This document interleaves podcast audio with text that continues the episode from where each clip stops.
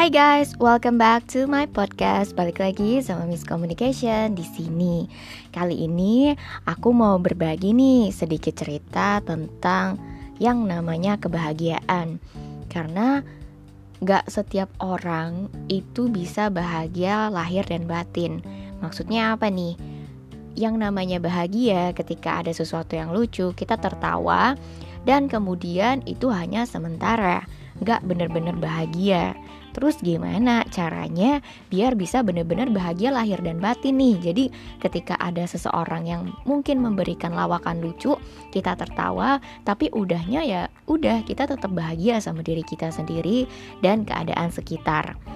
Nah, yang namanya kebahagiaan itu semuanya perlu proses, nggak harus eh, langsung bahagia kayak orang gila tertawa terus enggak, tapi Bahagia di sini adalah ketika kita tahu nih tujuan hidup kita apa, apa yang kita senangi dan apa yang sedang kita kerjakan di dunia ini, which is itu termasuk visi dan misi kita sebagai seorang manusia nih, yang di mana gue akan bagikan um, yang namanya kebahagiaan itu tidak harus hal-hal yang besar seperti banyak uang ataupun harta berlimpah karena ada juga, bahkan mungkin banyak juga yang orang kaya tapi hatinya tidak tenang dan tidak bahagia karena mereka takut dan was-was akan kekurangan dan hartanya lenyap atau kehilangan harta mereka.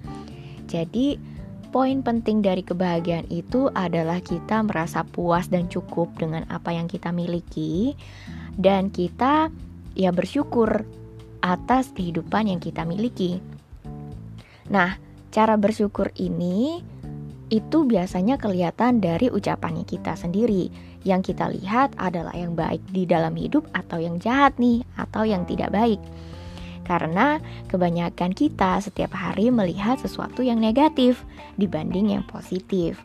Dan kebahagiaan itu berawal dari rasa syukur atau yang kita bilang gratitude. Rasa syukur se dari hal-hal kecil dan hal-hal kecil itu yang akan membawakan kita kepada hal-hal yang lebih besar.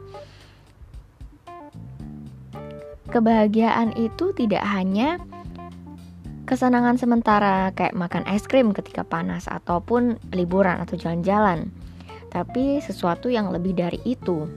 Misalnya aja nih kalau yang tadi kan menemukan tujuan hidup dan rasa syukur. Kalau yang ini lebih ke arah kemampuan kita untuk mengatasi pengalaman pahit misalnya atau dikecewakan orang, dikhianati orang, ditinggalkan orang. Nah, kemampuan kita untuk menghandle itu bagaimana dan bagaimana kita juga bisa mengampuni mereka.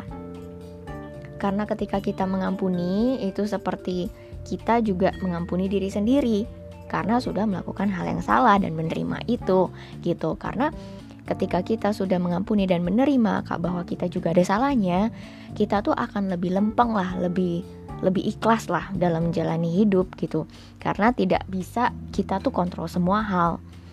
Terus yang tadi menemukan meaning of life atau tujuan hidup dan menangkap dan menjalankan hubungan sehat antara keluarga, teman, dan pacar ataupun suami misalnya, serta kemampuan meningkatkan intelektual kita, self development kita, pengembangan diri kita, cara kita berkomunikasi, belajar terus tanpa kenal lelah karena yang namanya kita belajar berarti kita me, apa ya, meregenerasi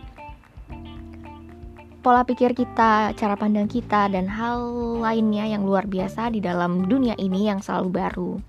So, yang namanya bahagia itu memang naik turun, tapi yang jelas kalau kita belajar lempeng, belajar jalani aja ikhlas gitu dan bersyukur dengan hal-hal yang ada dan kita lihat sesuatu yang baik, apa yang bisa kita berkati hari ini, kita tuh akan merasa ya bersyukur gitu loh. Bahkan memang sih suka ada apa godaan untuk kayak ah segini doang atau kayak ah kok begini kayak kayak apa namanya negatif lah ya maksudnya tidak bersyukur tapi pukul itu maksudnya ganti itu dengan sesuatu yang bisa disyukuri dan